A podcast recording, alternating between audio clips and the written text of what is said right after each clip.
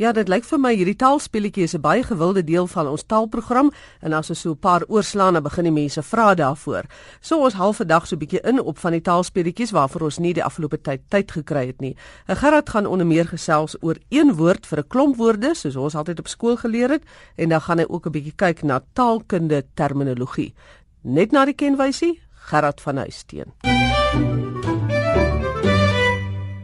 Gereelde luisteraars van die tale wat ons praat, is nou al waarskynlik vertroud met 'n klomp terminologie wat in die taalkunde gebruik word. Maar dikwels word hier tog terme gebruik wat almal nie altyd verstaan nie, want ons kan nie onthou wat ons geleer het toe ons 16 jaar oud was nie, of ten minste ek kan nie altyd onthou wat ek toe geleer het nie. Vandag stof ons 'n bietjie van hierdie taalkunde terme af. Ek sê die term en jy gee die definisie en voorbeelde daarvan. Ek sê byvoorbeeld sinoniem en jy sê dis woorde met naaste by dieselfde betekenis soos byvoorbeeld chirurg en snydokter. Kom ons gaan van maklik na moeilik. Die eerste en maklike ene antonieme. Dan kry ons homograwe en homofone. Homograwe en homofone. Vervolgens poliseme, poliseme en dan hiponieme en hiperonieme. Ten slotte holonieme en meronieme. Holonieme en meronieme. Nou, al hierdie woorde is 'n vreeslike mondvol, maar ek het vir professor Rufus Gous van die Universiteit van Stellenbosch gevra om ons te kom help. Hy's 'n bekende woordeboekskrywer en ken dus al hierdie die eh, woorde in Afrikaans. Rufus, kosval weg met die maklike ene antonieme. Gerrit antonieme sal die meeste mense vir jou sê is woorde wat die teenoorgestelde betekenis het. Dit is min of meer reg, maar wanneer ons met hierdie betekenisbetrekking van teenoorgesteldheid werk, sit ons met verskillende tipes. Antonieme is ja, woorde wat teenoorgestelde betekenis het, maar dit is woorde wat gegradeer kan word. Dit is 'n woord soos mooi en lelik. Uh mooi en lelik staan nie in 'n of of verhouding tot mekaar nie. Jy's nie of mooi of lelik nie. Jy kan so iets tussen die twee wees. En nou verwys ek nou na jou nie want ons weet wat se kant van die van die skaal jy staan. en van die mikrofoon ek sit. mooi, mooier. Jy kan trappe van vergelyking gee. Jy kan praat van te mooi, taamlik lelik, redelik mooi. Antonieme is daardie soort teenoorgesteldes wat 'n gradeerbaarheid het. Teenoor hulle staan 'n ander betekenisbetrekking, naamlik komplementariteit. En dit is waar jy 'n of of verhouding het. Jy's of getroud of jy's ongetroud. Jy's of swanger of jy's nie swanger nie. Jy kan nie taamlik swanger wees nie. Hulle is dis nie gradeerbaar nie. Maar vir ons dis antonieme is 'n groot gros woorde wat in 'n verhouding van teenoorgesteldheid tot mekaar staan waar dit relatiewe waardes is wat weergegee word. Dan kom ons by homograwe en homofone. Ja, daardie twee homos word dikwels met mekaar verwar. Homograwe is woorde wat dieselfde geskryf word, maar wat nie dieselfde beteken nie. Hulle klink ook nie dieselfde nie. Daai graaf in homograaf verwys na skryf. Ons het byvoorbeeld 'n woordjie soos roman en ons het 'n woord soos roman. Hulle word dieselfde geskryf, hulle word egter anders uitgespreek en hulle is verwys ook na verskillende goed. By homofone, die foon in homofoon verwys weer na klank. Hulle klink dieselfde, maar hulle word nie dieselfde geskryf nie. As ons 'n woordjie soos 4 het, die telwoord 4 en 4 in sy loop 4 en regop wat met 'n F I E R geskryf word, dan het ons twee woorde wat verskillend gespel maar dieselfde uitgespreek word. En dan het ons homofone daar. So homograwe, homofone is goed wat dis 'n stuk dieselfde het maar ook 'n stuk verskil. Dan poliseme. In poliseum of dan die verskynsel van polisemie sit die deeltjie poly wat na baie verwys. En by 'n polisemiese woord het ons 'n woord wat verskillende betekenisonderskeidinge het, maar baie belangrik, dis nie verskillende betekenisse nie. Dit is een woord wat verwante betekenisonderskeidinge het. As ek 'n woordjie soos baba neem, baba kan verwys na 'n pasgebore iets. Baba kan egter ook die jongste lid van 'n groep wees. As ek sê hy is die baba van die Springbok span. Baba kan ook na jou uh, jou geesteskind verwys. Jy weet, hierdie woordeboek is is my baba. daar is 'n betekenisooreenkoms tussen hierdie verskillende waardes van baba. Daardie verskillende betekenisonderskeidinge noem ons die polisemiese waardes van daardie woord. Teenoor polisemie staan 'n ding soos homonimie waar jy woorde het wat dieselfde klink maar heeltemal verskillende goed beteken. Graaf wat 'n tuinwerktuig is en graaf wat 'n aardelike titel is. Hulle het verskillende betekenisse. By polisemie is dit verskillende betekenisonderskeidinge wat ons het. Dan kom ons by hiponieme en hiperonieme. Ons het verskynsel in taalkunde bekend as hiponimie. Dit is waar die betekenis van een woord die betekenis van 'n reeks woorde insluit. Die woord blom sluit die betekenis van roos en afodil en protea in. Alle proteas is blomme, maar alle blomme is nie proteas nie. Die woordjie protea en roos en afodil is hiponieme. Dit is dus 'n woord wat 'n stukkie betekenis het wat deur 'n oorkoepelende woord se betekenis gedek word. En daardie oorkoepelende woord staan as 'n hiperoniem, ook soms 'n superordinaat genoem, bekend. In hierdie groepie woorde is blom dus jou hiperoniem of jou superordinaat en roos en angelier en protea is jou hiponieme of jou subordinate. En daarteenoor of daarmee saam eintlik moet mens ook dink dan aan holonieme. Ja, holonieme en meronieme loop weer 'n uh, parallelle paadjie. Wanneer ons met 'n holoniem werk, dan gaan dit oor 'n woord wat na 'n saak verwys wat uit verskillende onderdele bestaan en daardie onderdele is die meronieme. As ek 'n woordjie soos liggaam het, dan is die woordjie liggaam 'n holoniem met kop en arms en bene die meronieme. Die betekenis van van kop is ingesluit in die betekenis van liggaam. 'n Liggaam wat normaalweg funksioneer het 'n kop, het arms, het bene. So die oorkoepelende woord is daar liggaam die ingeslote woorde is meronieme, maar anders as by hiponimie, die betekenis van liggaam sluit nie kop se betekenis in nie. Alle koppe is nie liggame nie. Yep. Dis 'n deel daarvan wat verteenwoordig word deur jou meroniem.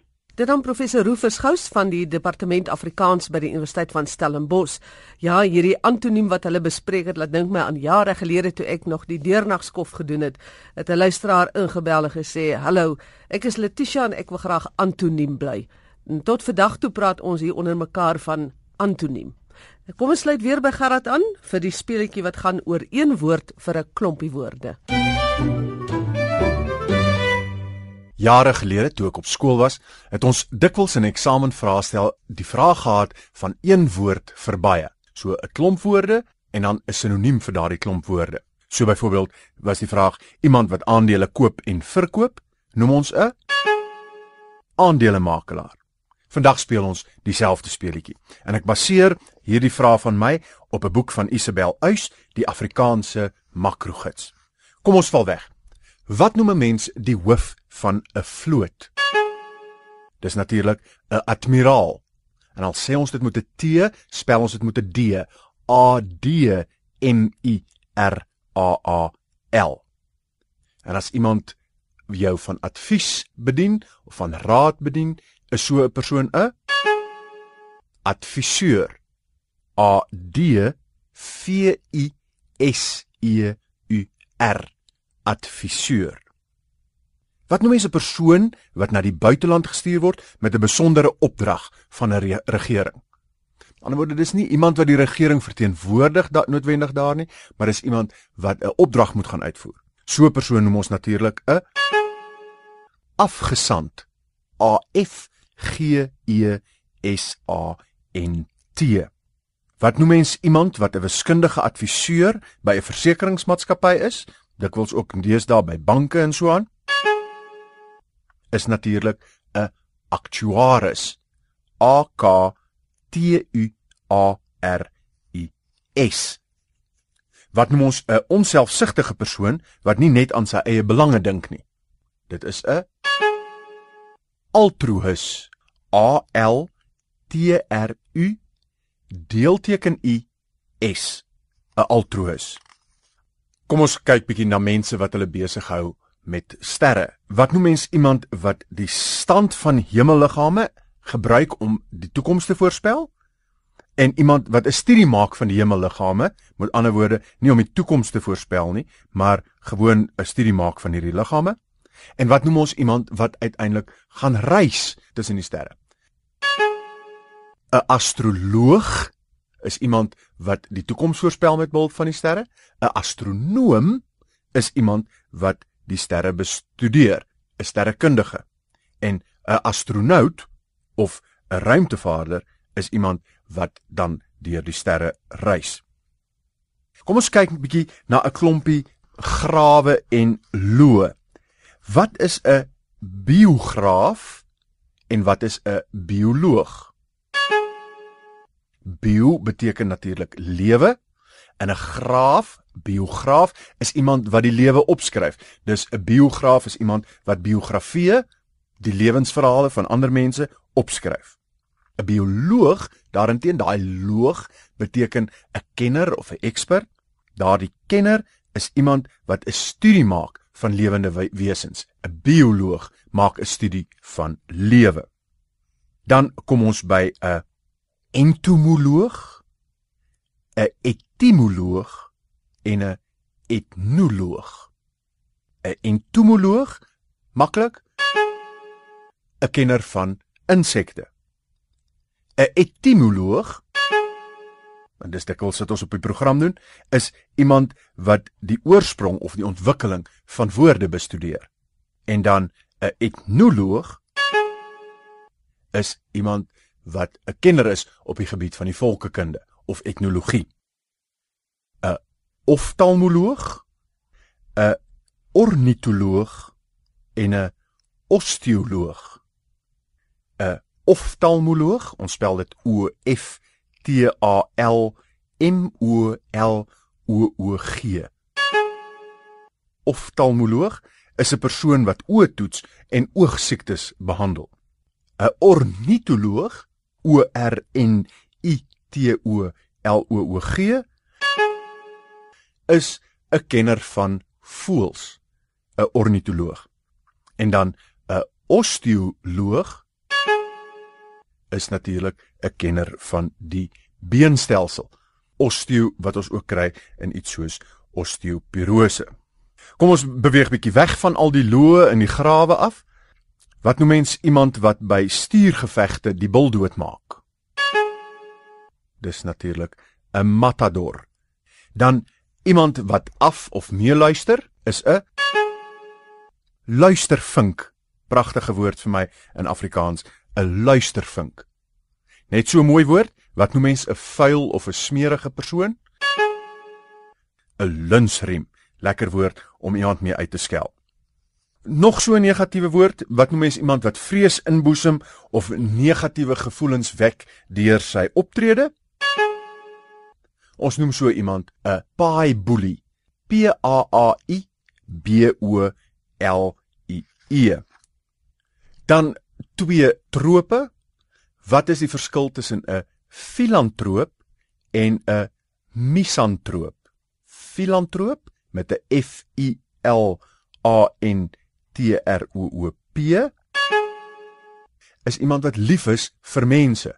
Daai feel wat ons ook het in sê nou maar bibliofiel, iemand wat lief is vir boeke, daai filantroop en dan het ons antropos wat daarin sit wat mens is, so veel liever antropos mense filantroop, iemand wat lief is vir mense. Misantroop daarenteen iemand wat mense haat. Kom ons sluit af met 'n uh, tweetal gevalle van eg Suid-Afrikaanse, eg Afrikaanse woorde. Wat noem ons iemand wat slegs vir die plesier boer, met ander woorde, nie om sy brood en botter te verdien nie? Ons noem so iemand 'n chequeboekboer. T J E K B O E K B O E R, 'n chequeboekboer. En dan naas die chequeboekboer, wat noem ons iemand wat op 'n baie klein skaal boer. Dit noem ons natuurlik 'n knapsak boer. K N A P S A K B O E R. Op daardie noot groet ons vir vandag. As jy enige verdere vrae of voorstelle vir die program het, kontak my gerus by taalvraag@rsg.co.za. En 'n klomp mense wat uitsaai is uitsaaiers, so tong in die kies. En ons sluit nou weer by Gerard aan. Hy gaan nou praat oor waar die klem moet lê, iets wat nogal baie probleme gee. Is dit nou minister of is dit nou minister? So julle rukkie terug by ons taalnavraag program, sal sommige van julle onthou, het ons gepraat oor die klem by byvoorbeeld 'n woord soos onderwys. Baie mense sê onderwys en ander mense sê onderwys. En interessant in daardie gesprek wat ek met die twee here van die Woordeboek gehad het, het ons tot die slotsom geraak dat daar geen probleem is daarmee as ons dan partykeer sê onderwys nie. Nou ja, hoor graag wat jy sê. Hier is Gerard van Huisteen. Ek gee vir jou twee moontlikhede. Ek sê byvoorbeeld minister of minister. En jy moet sê watter een van die twee korrek is. Kom ons val weg sê ons kontak of kontak telefoon of telefoon abstrak of abstrak silinder of silinder. Paradoks of paradoks. Ver regs ver regs of ver regs en die laaste ene geelwortel of geelwortel. Om ons vanoggend te help met hierdie klemtoon kwessies, het ek vir professor Bertus van Rooi, professor in taalkunde aan die Valdrieho kampus van die Noordwes Universiteit gebel. Bertus, is daar enkele beginsels met betrekking tot klemtone in Afrikaans? Gerard, daar is 'n paar eenvoudige beginsels. Uh in teorie maar in praktyk is hulle soms bietjie moeilik. Die eerste en die maklikste een is dat ons moet onderskei tussen simplekse en komplekse woorde. 'n komplekse vorm soos ver regs bestaan eintlik uit twee woorde en elke woord het gewoon sy eie klemtoon. En dan sal ons sê watter een van die twee woorde dra die hoofidee uit en dit is hier regs. So die sal 'n bietjie sterker klem kry, maar hulle kan eintlik ongeveer gelyke klem kry. Daarteenoor jou voorbeeld geelwortel is dikwels 'n samestelling, dis 'n tipe wortel. Dis nie noodwendig dat hy geel is of dat geen ander wortel geel kan wees nie. Omdat dit 'n samestelling is, val die klem op die eerste gedeelte van die samestelling. Daarom sal ons sê geelwortel. So dit is wat komplekse forme betref. Simplekse forme het 'n bietjie meer ingewikkelde stelsel van klemtoontoekenning. Afrikaans het soort van sy eie ritme. Daai ritme is die trogee. Dit beteken daar's twee lettergrepe na mekaar en die eerste een van daai twee is die sterker een van die twee. Soos hardloop of vinnig. Maar hierdie basiese trogee ritme van Afrikaans word soms 'n bietjie versteur deur die gewig van die verskillende lettergrepe in ons woorde. Kom ons neem 'n paar van die verdere voorbeelde. Silinder se ritme is dan nou silinder. Die trogee kom aan die einde van die woord voor met linder en die eerste enetjie hang so 'n bietjie in die lug rond. Dieselfde sou mens kon sien by minister. En ons sien dit in 'n geval by die meeste Afrikaanse woorde wat uit net twee lettergrepe bestaan, soos vinnig. Maar as die laaste lettergreep nou 'n baie swaar lettergreep is, soos by paradoks, dan is hierdie swaar laaste lettergreep so sterk dat hy die klem na die einde toe aantrek. Wat dit nou verder moeilik maak in Afrikaans is dat sommige woorde vanuit Nederlands oorgeerf is, maar in die proses van oorerwing het 'n letter verloor of 'n klank eintlik verlore gegaan. So waar Nederlands sal praat van kontak of in Engels dan ook contact, het Afrikaans daai slot t verloor, dieselfde met abstrak wat in Nederland abstrakt eh, is met 'n slot t. Maar Afrikaans het wel die t verloor en tog nie die klemtoon verskuif nie. So in die geval van kontak en abstrak val die klem steeds op die laaste lettergreep want histories was hierdie laaste lettergreep 'n baie swaar lettergreep geweest. Maar in Engels sê ons dus contact en abstract. Dit is waar. So hier verskil die klemtoon in Afrikaans en Engels want by Engels is die geneigtheid om tog eerder die trogee ritme te behou. Die tweede laaste lettergreep of dan in 'n twee lettergrepe gewoord, die eerste ene is 'n baie sterker krag in die Engelse fonologie as in Afrikaans. So by Afrikaans as jy 'n swaar genoeg slot lettergreep het, dan kry jy omtrent altyd klem op daardie slotlettergreep, maar in Engels het jy baie meer rede nodig om klem op die slotlettergreep te plaas. Maar nou mense kon dink dis onder Engelse invloed dat Afrikaans nou eerder wil sê kontak of abstrakt, maar natuurlik omdat Afrikaans hierdie slot T verloor het, is die oorspronklike fonologiese rede vir die finale klemtoon nie meer aanwesig nie en is dit nou eintlik 'n historiese res. En sou jy onder ander omstandighede verwag dat 'n woord wat lyk soos kontak of abstrakt dalk eerder initiële klem sou wou hê en sou die verwarring wat deur Engels vererger word in elk geval reeds bestaan het op grond van interne redes binne die Afrikaanse taal. En dan ons laaste ene Bertus telefoon. Telefoon is weer so 'n historiese res. Mens sou kon sê op grond van fonologiese redes is sy laaste silabe foon een met 'n lang letter lang vokaal en hy's geslote. Dus dis 'n lekker swaar slotsilabe en sou hy die klem wou dra. Engels weer sal die klem op die eerste lettergreep plaas want in Engels is die laaste lettergreep gewoon nie sterk genoeg om die klem aan te trek nie. Maar nou is dit nog 'n leenwoord en dit kom van Grieks af, so daar's soveel verwarrende redes dat hier eintlik in Afrikaans, maar ook in Nederlands en ook in Duits van die begin af die klemtoon op die slotsilabe geplaas is, lank voor hierdie tale in die laat 19de eeu gereeld met Engels uh, in kontak gekom het. en behou ons om historiese redes die klemtoon tog maar gewoon op die laaste lettergreep. Bertus, baie dankie. Ek praat graag 'n volgende keer weer met jou. As jy enige vrae het, stuur gerus vir my 'n e e-pos by taalvraag@rsg.co.za.